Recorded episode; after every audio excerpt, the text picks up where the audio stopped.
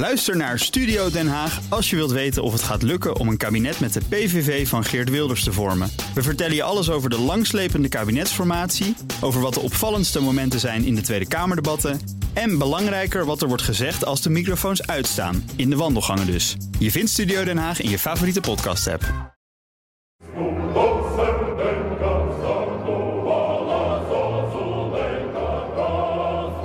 De geopolitieke alliantie. Twee jaar oorlog in Oekraïne. Hammelburg, De Wijk, Haan en Akkerman. Met Liesbeth Staats. Welkom bij De Alliantie. In vier afleveringen praten we je bij over de oorlog. Dit is aflevering 1. En ik zal ervoor zorgen dat we in deze podcast niet zullen escaleren. Maar daarvoor zal ik misschien wel een beroep moeten doen op westerse steun.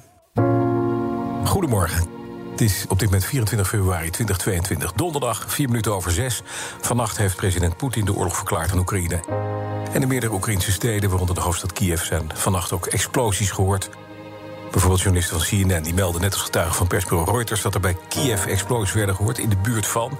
Volgens getuigen gaat het om geluiden die klinken als uh, het afvuren van artillerie. The Russian President Vladimir Putin made a surprise appearance on state television calling for the demilitarization of Ukraine, calling this a quote специальной военной операции. Dit is een uh, donkere dag voor Oekraïne, voor Europa, voor de hele wereld. Wat ik zelf wel weet, is dat ik het verkeerd heb gezien. Ja, Want ik nou ja. dacht steeds, het gaat niet gebeuren. En het gebeurt toch. This is barbaric and we condemn it without any reservations. This is time for us for resolve and not for appeasement. Всім добрий вечір. Лідер фракції тут, прем'єр-міністр Шмигаль тут, президент тут. The battered ruins of Russian military vehicles are scattered outside Kiev this morning. But a U.S. military official tells NBC News all Russian troops have left the region. Gisteren kwam ineens een verhaal vanuit de Russische legerleiding dat de Russen hun troepen gaan terugtrekken uit Gerson. Het is de eerste grote stad en eigenlijk de enige regionale hoofdstad die uh, Rusland heeft veroverd. En die moeten ze dan prijsgeven. Dat is toch wel een belangrijk uh, verlies. This is not where Russia planned to be. Uh, day two, day three, they expected decapitation, take Kiev, replace the government. Oekraïne zelf noemt de situatie rond Bakhmut extreem moeilijk. Inmiddels wordt serieus gekeken en rekening gehouden met het scenario dat de Oekraïnse troepen zich toch moeten terugtrekken uit Bakhmut. Het Oekraïense voorjaarsoffensief verloopt langzamer dan gehoopt. Dat zegt president Zelensky in een interview met de BBC. Ukraine is critically dependent on both EU and US funding as it continues to fight occupying Russian forces. The Ukrainian forces are in a very very difficult situation in Avdiivka and all along the front line, partly because they aren't getting the supplies that they need. Vanwege de ruzie tussen de Democraten en de Republikeinen is er geen nieuwe steun voor de Oekraïners in het Amerikaanse noodbudget gekomen. The Republican-led House will not be jammed or forced into passing a foreign aid bill that was opposed by most Republican senators and does nothing to secure our own border. There is no reason to negotiate membership of Ukraine now, even not to negotiate. Uh, moest beginnen naar de wc, denk ik, en uh, toen konden we het nood doorgaan. EU leaders have managed to convince Hungarian Prime Minister Viktor Orban to approve the financial package of 50 billion euros for Ukraine. Zelensky heeft besloten om de top van het Oekraïne-leger op te schudden. En de grootste blikvanger is natuurlijk het ontslag of vervanging, verplaatsing van legerleider Valery Zaluzhny. Ja, we hoorden hier uh, twee jaar oorlog in uh, drie minuten. Er is dit jaar opnieuw ongelooflijk veel gebeurd. En we spraken elkaar natuurlijk een jaar geleden ook al. Ter gelegenheid van de eerste verjaardag van de inval in Oekraïne. En ik heb het even teruggeluisterd. Omdat dat toch leuk is om je eigen perspectief van een jaar geleden nog te horen. Toen viel hier de opmerking dat in deze alliantie dat dit toch wel het jaar zou worden waarin Europeanen zich zouden realiseren dat dit een bepalend moment in de geschiedenis is. Um, Rob, is dat gebeurd? Zijn we ons dat gaan realiseren? Een klein beetje. Uh, als je kijkt hoe de discussie uh, zich heeft voltrokken vanaf het begin, dan uh, was het eerst Oekraïne moet winnen. Toen hadden we nog het idee van, oh jee, dat land wordt onderdrukt en wordt binnengevallen. En die arme Oekraïners moeten we helpen. Toen is na een jaar is de discussie gegaan over de gevolgen van uh, deze oorlog voor de Europese veiligheid. En nu zitten we in de discussie: oh jee, er zou wel eens een keer een oorlog in heel uh, Europa kunnen uitbreken als dit zo doorgaat. Dus die discussie die is eigenlijk van uh, kwaad tot erger geworden. En ja, dat betekent dus ook dat men zich nu begint te realiseren dat ja, dat er echt wat aan de hand is en uh, dat je daar dus op moet uh, acteren. En dat blijkt dus nu ook uit de discussies die we nu in één klap hebben over de hoogte van het defensiebudget. Alleen heel interessant is als je nou bijvoorbeeld kijkt naar een recent uh, Klingendaal-rapport. Die heeft een opiniepeiling gedaan onder ja. de Nederlanders. Nou, dan scoort dit nog steeds niet hoog hoor. Nee. de gemiddelde Nederlander denkt van, nou, het is toch nog steeds zo ver van mijn bed te show. Dus het zal me wel meevallen. Maar op politiek niveau beginnen nu wel toch de alarmbellen te rinkelen. Ja, maar de Europeanen, zeg maar, in, in de straten Bernard, denk jij dat wij ons daar uh, voldoende bewust van zijn? Um, ik, nou, dat betwijfel ik. Als je bijvoorbeeld als je kijkt naar zo'n peiling die is dan gehouden, uh, dat besef is er, is er nog niet. En bovendien gebeuren, um, zowel hier als in de Verenigde Staten, dingen die uh, de, de situatie ook lastiger maken, omdat het draait niet meer alleen om, laten we zeggen, solidariteit of emotie. Maar het gaat nu doodgewoon om geld en materieel. En de, de, de, weerstand om dat te leveren, te geven, neemt toe. Om alle mogelijke redenen, eh, eh, politieke redenen. Uh, in Amerika ligt het anders dan in Europa. Maar je hebt overal dwars. Het wordt lastiger. Dus de vanzelfsprekendheid die we, want daar had je het over, in het, in, in het begin hadden. Van dat, dat gaan wij niet laten gebeuren. Mm. Wij zijn solidair. We gaan uh, dit land helpen. En als dat land ondergaat, dan dreigt het ook voor ons. Dat is toch een beetje vervaagd en vervangen door ingewikkelde discussies over geld en materieel. Ja, Geert-Jan, dus eigenlijk... Maar Bernard, Bernard, mag ik daar wat aan, over vragen, Bernard? Want is dat ja. nou niet merkwaardig? Ik, ik, vind het echt, ik vind het echt heel erg merkwaardig wat er op dit, uh, op dit ogenblik aan de hand is. Dus uh, we hebben nu een discussie over, oh jee, het zal eens een keer kunnen escaleren naar een nog grotere oorlog. En misschien gaat uh, Poetin wel verder. Als je dus nu gaat investeren in de veiligheid van Oekraïne, betekent dat je later moet, minder kunt investeren, hoeft te investeren in je eigen defensie en kun je misschien wel een oorlog voorkomen. En dat gebeurt niet. Dat is toch curieus wat hier aan de hand is? Of ben ik nou gek? Nou, ik wilde net de vraag stellen, inderdaad. Dus de dreiging is groter geworden, maar uh, we realiseren ons dat minder. Ja, het, ik denk dat het een goede samenvatting is. En jouw vraag is volstrekt terecht, uh, Rob. Um, en uh, nou ja, we kijken natuurlijk heel scherp naar wat er gebeurt in Amerika. Dat is denk ik toch wel een beetje een bepalende factor, omdat uh, toen, toen die discussie nog niet zo fel was en niet bleek en nog niet zo duidelijk was dat Donald Trump vanaf de zijlijn complete Amerikaanse politiek in de greep heeft. Mm. Um, uh, toen we dat nog niet zo zagen gebeuren, toen hadden we nog steeds het idee van nou, het komt ook met de Amerikanen wel goed en die leveren wel en die hebben zo plechtig beloofd dat ze dat land nooit zouden laten vallen en het bondgenootschap uh, in stand zouden houden. Uh, en Rob, ik kom met een vraag terug. Want vorige keer toen wij ehm, zaten, toen zei ik op een bepaald moment een van de dingen die mij wel heeft verbaasd, is hoe enorm snel de solidariteit binnen de NAVO is hersteld na de kritiek van Macron destijds. En toen was jouw antwoord: oh nee, dat verbaast mij nou helemaal niet. En ik, stel, ik, stel de, ik stel de vraag opnieuw.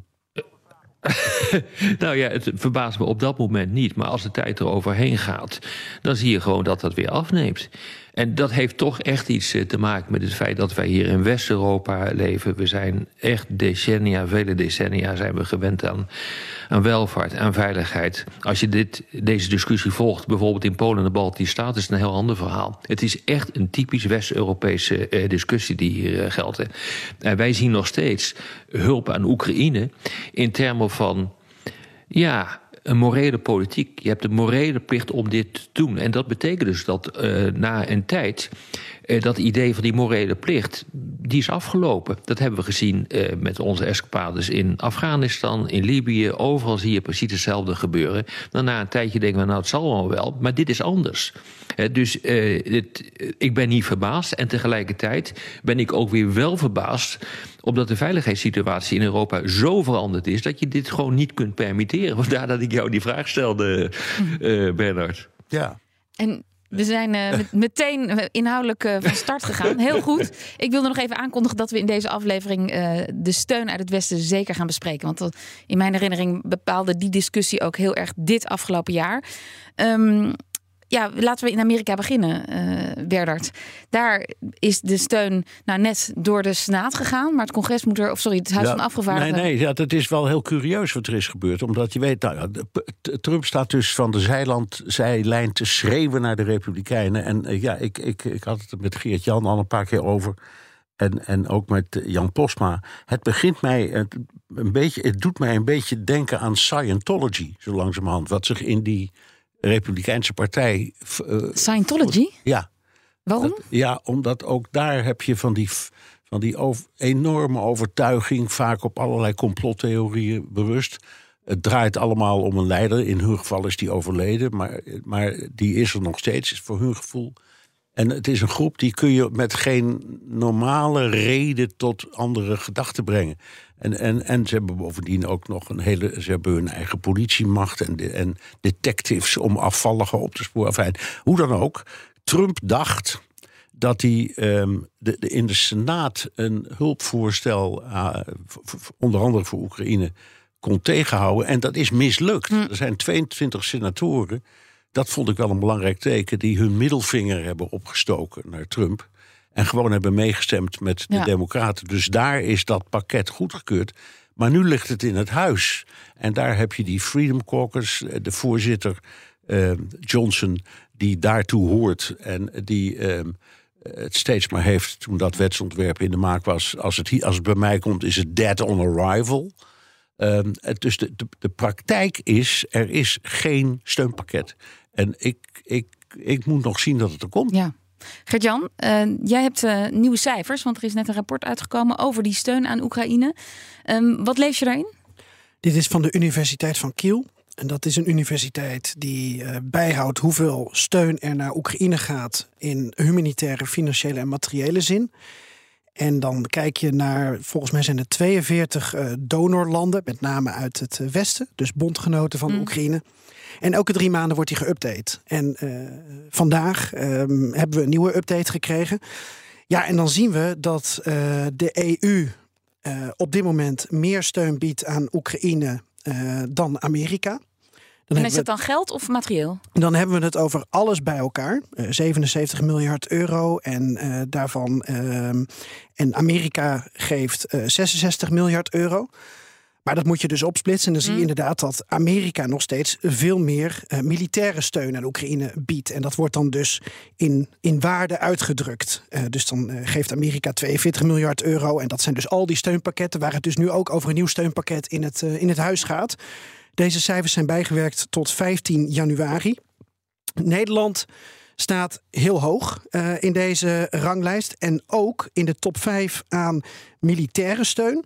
Dus je hebt Amerika, je hebt Duitsland, je hebt de Britten, je hebt de Denen en dan Nederland. Dus ver voor Polen, ver voor Frankrijk. Frankrijk levert echt weinig steun aan Oekraïne, die, hebben- ondanks... die praten daar wel de hele tijd over. Macron. Eh, Macron heeft een vrij grote mond Ja. voor iemand die vrij weinig doet.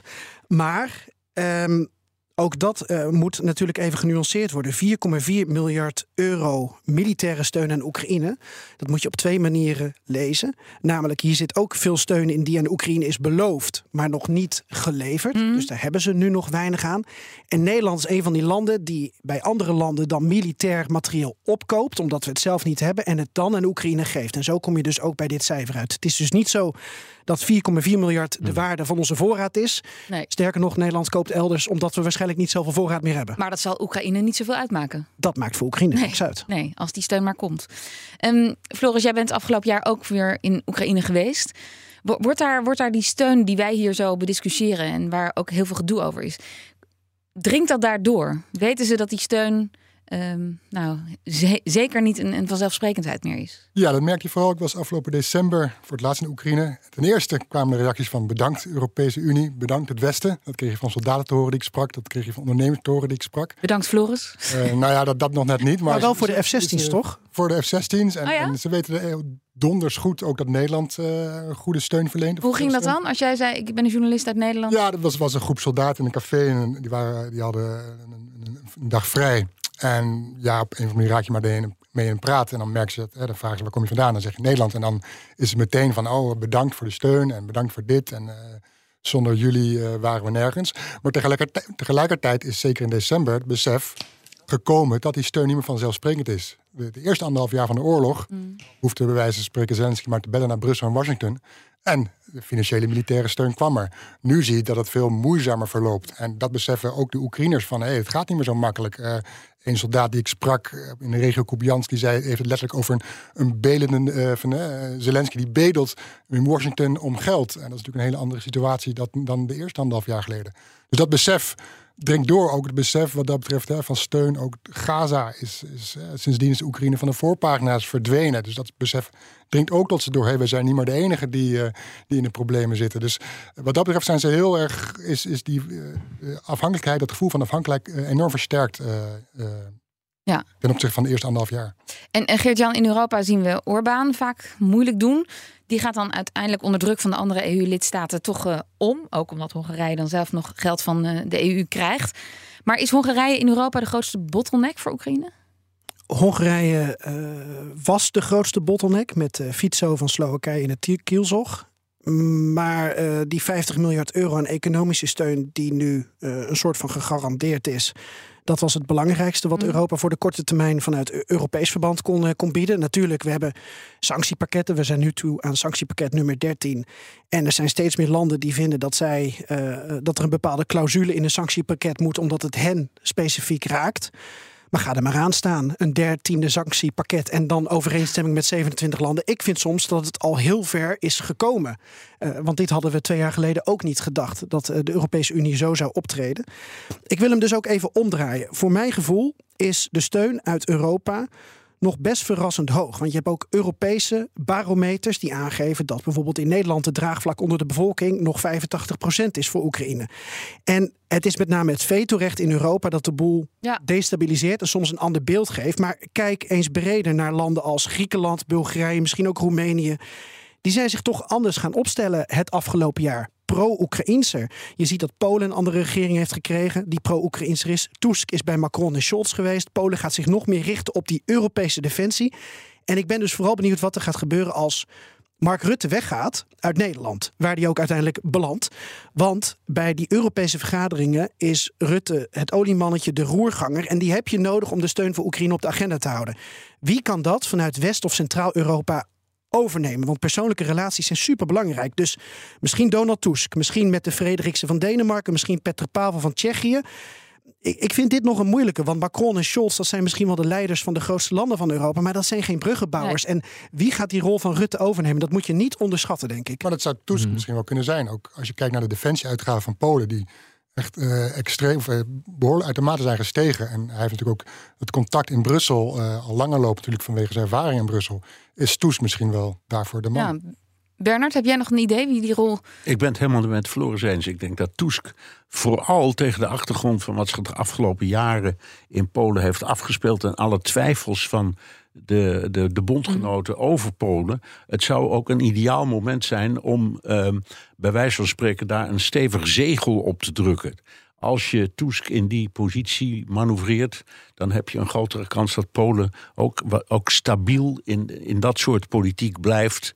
En niet weer in de handen valt van ehm, de, de populisten, wat toch bij die PiS-partij echt een probleem was. Nou, bij, bij steun hoort ook uh, materieel. En Rob, ja, decennia lang hebben wij gedacht dat defensie iets van, uh, nou, in ieder geval het Nederlandse verleden was. En misschien ook wel in heel Europa. Mm. Nu investeren we weer veel meer in defensie. Maar welke industriepolitiek is nou eigenlijk precies nodig om Oekraïne echt te steunen? En ook voor onszelf, om die industrie op, uh, op onze defensie op poten te krijgen?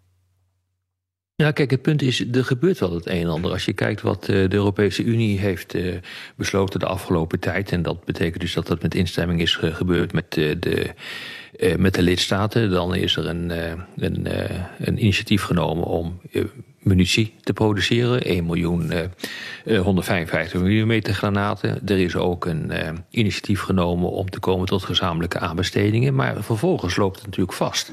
Het loopt vast in procedures. Het loopt vast in NIMBY-gedrag, not in my backyard, van uh, mensen die zeggen: ja, uh, wel leuk hoor, een uitbreiding van een munitiefabriek, maar niet hier. Uh, dus je loopt op al dat soort zaken uh, vast. Hè. Je loopt uh, vast personeel. op allerlei ruimtelijke ordeningsvraagstukken, op personeel.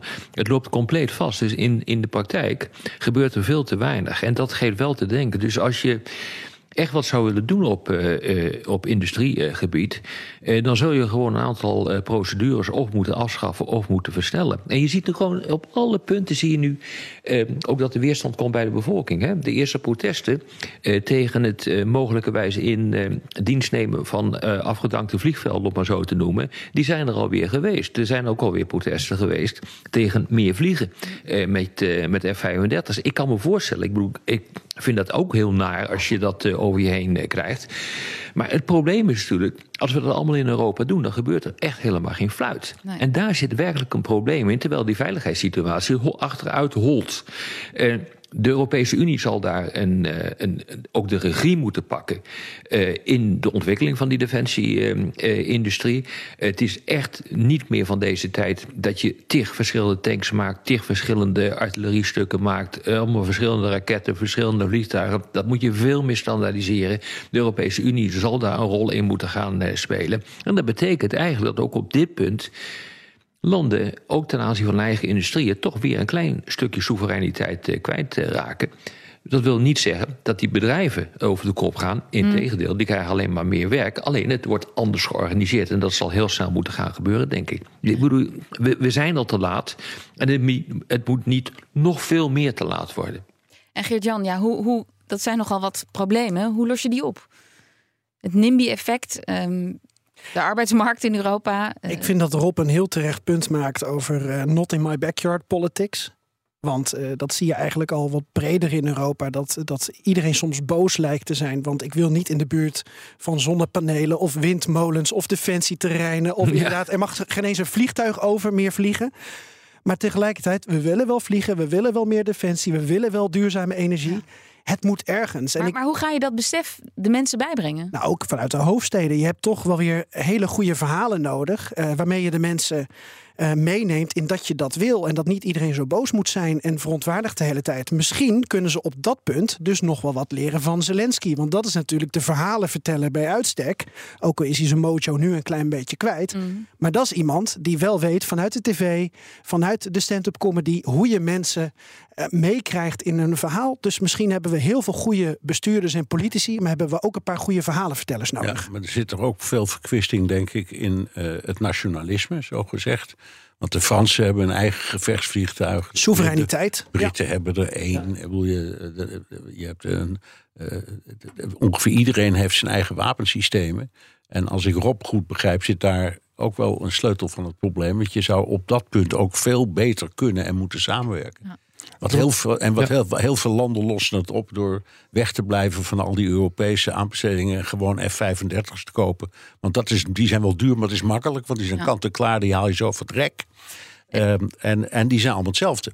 Dus uh, het, het, laten we zeggen, synchroniseren van de bestaande systemen en vervangen door systemen die echt op elkaar lijken of samen aan elkaar, weet ik wat, uh, technisch. Uh, Linken? Link, ik zal maar zeggen, zelfde hoogtemetertjes in alle uh, Europees gemaakte vliegtuigen, dat scheelt al. Um, ja, daar zit nog wel heel veel in. En, en, en winst dus ook. Miljarden industrieën. Ja, die eerste stap is vanuit Brussel wel gezet in 2023. Uh, met uh, Europese aanbestedingen voor militair materieel. Alleen dan heb je dus inderdaad Fransen of ook Polen die zeggen... ja, wij hebben bepaalde patenten, wij hebben bepaald materieel dat wij hmm. maken... en we willen niet dat dat zomaar wordt vrijgegeven. Dus iedereen trapt ook wel weer vanuit zijn eigen land op de rem. Ja. En wij spraken... Ja, en daardoor gebeurt er niks. Nee dat is dan de conclusie. Wij spraken voor de Daily Move ja. uh, vorige week Han Bouwmeester. En die pleit ervoor om weer, ja, ik ben uh, de precieze titel uh, vergeten, maar er heeft heel lang in Nederland een soort commissie bestaan. Niet het burgerberaad, maar zoiets. Ten tijde van de Koude Oorlog. Om de burgers te doordringen van de dreiging die er is. En dus, nou ja, noodpakketten in te slaan, et cetera. En hij zei, eigenlijk zou zo'n soort orgaan weer terug moeten komen. Om hmm. mensen te te wijzen op de dreiging. En dan ga je misschien sneller akkoord met een uh, militaire... Wij kregen op lagere school instructies om als er een atoombom aankwam... onder je tafeltje te gaan zitten. En als je toevallig eh, in de buurt een pan of een vergiet kon vinden om dat omgekeerd op de kop te zetten, dan kon er niets gebeuren. Dat is wel een iconisch advies, ja. Je, je ziet wel bijvoorbeeld in, in, Fin- Nee, maar- in Finland, maar ook in Oekraïne, als ik goed heb Finland hoor, maar ook in, in de aanloop naar de oorlog in Oekraïne zag je al burgers vrijwillig al eenheden vormen. Voor als het geval dat, hè, voor als de Russen komen, dat we in ieder geval onze stad, ons dorp kunnen beschermen en bij checkpoints staan. Mhm. Dus dat kun je, zou je vrijwillig al eh, kunnen, introduceren organiseren. organiseren in Nederland. Je moet er wel Nou ja, lachen. eh, ho, ho, eh, nou ja, nee, maar je, je moet wel weten eh, eh, wat het effect daarvan is en of dat enige zin heeft in een land als Nederland. Hè, bijvoorbeeld Litouwen. Eh, die heeft ook een, een, een Rifle Association. Die stamt trouwens al uit het begin van de vorige eeuw. En eh, die moet eh, zeg maar een belangrijke rol spelen bij het opzetten van een partisanenstrijd. Je hebt het, eh, eh, die onconventionele oorlogvoering en die onconventionele verdediging. En het betrekken van alle onderdelen van de maatschappij bij de verdediging, dat kent, dat kent Finland ook. Eh, dus eh, al die frontlijnstaten, eh, die denken daar heel hard over na. En daar wordt ook conceptueel over nagedacht hoe je een partisanenstrijd moet organiseren. Dat is denk ik heel goed. Maar hier in Nederland is de veiligheidssituatie totaal anders. Ik denk dat het hier begint met de vraag kun je nou de Nederlander eh, bijbrengen dat het individualisme allemaal heel fijn is, maar dat er ook nog zoiets eh, bestaat als een algemeen belang. En het algemeen belang kan wel eens een keer eh, dicteren dat je iets moet accepteren wat je niet fijn vindt, maar wat wel van groot belang is voor Nederland, bijvoorbeeld veiligheid. Nou, die discussie moeten we gaan, gaan krijgen. En dan mag je van mijn part best allemaal dit soort dingetjes doen van eh, zorg er ook wat voor eh, dat, dat, dat je een discussie krijgt over haal wat in huis oh, voor het geval eh, de Mhm. bom valt. Nou, die valt waarschijnlijk toch niet. Eh, maar het hele systeem zal ook gewoon anders werken als wij betrokken raken bij een oorlog. Kunnen we misschien ook nog wel een keer over gaan hebben. Maar die kans is vrij groot dat wij erbij betrokken raken. Terwijl het, de oorlog niet op ons grondgebied Nee. plaatsvindt. Dus de, de eisen die je aanstelt zijn gans anders dan bijvoorbeeld in de Baltische Staten. Maar goed, nu, nu hebben we dan dus nu over, als ik dat goed begrijp, over een grootschalige oorlog, dus het Westen en Rusland. Maar er zijn ook hele andere middelen van conflict, eh, strijd die tussen Rusland zeker. en, en, en Europa kunnen plaatsvinden. Het hoeft niet meteen natuurlijk een gigantische invasie te zijn of Nee, sancties een of frontlijn. zo. Ik Nee. weet niet, sancties of kleine onverwachte operaties vanuit de Russische kant in de Baltische landen. Wat doe je dan? Cyberpesterijen. Bijvoorbeeld, ja. Dus dit gaat veel meer dan alleen dat we denken Ja. van ouderwets water, Maar Rob- wapengekletter. Zeker, is hybride oorlogvoering. Nee, maar kijk, een, voor Nederland is de grote dreiging, denk ik, inderdaad eh, sabotages. Eh cyberaanvallen. en dan moet je vooral kijken naar de kritische infrastructuur die in de Noordzee staat.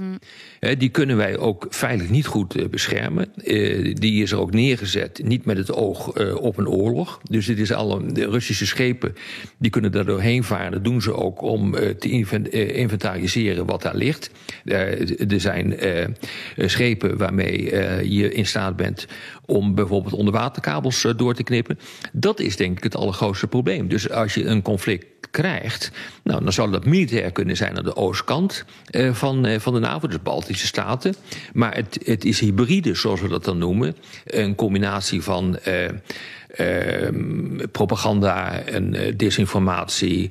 eh, cyberaanvallen, sabotageoperaties in de Noordzee aan deze kant van Europa. Dus die discussie moet echt gaan, eh, gaan Ja. ontstaan van wat is het nu eigenlijk wat ons precies bedreigt, aan welke bedreiging en welke bijdrage leveren we dan militair aan het tegengaan van die dreiging in bijvoorbeeld het oosten van Europa. Ja, en dat eh, besef moet hier in Nederland doordringen. Daar hebben we dus schrijvers, acteurs en ver- andere verbeelders bij nodig. Ehm, ja, we moeten het ook nog hebben over het grote Oekraïense tegenoffensief. offensief. Dat is niet geworden waar Oekraïne op had gehoopt. Hoe komt dat? Dat bespreken we straks in de volgende aflevering van de Alliantie. Dat is dan deel 2. En eh, voor nu dank ik Bernard Hammelburg van BNR De Wereld, Geert-Jan Haan en Floris Akkerman van de Perestrooikast en Rob de Wijk van Boekenstein en de Wijk.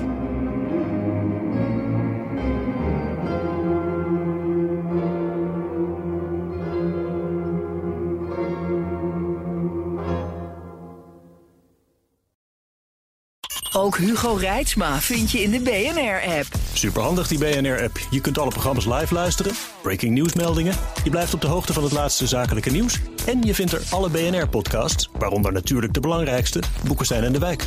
Download nu de gratis BNR-app en blijf scherp.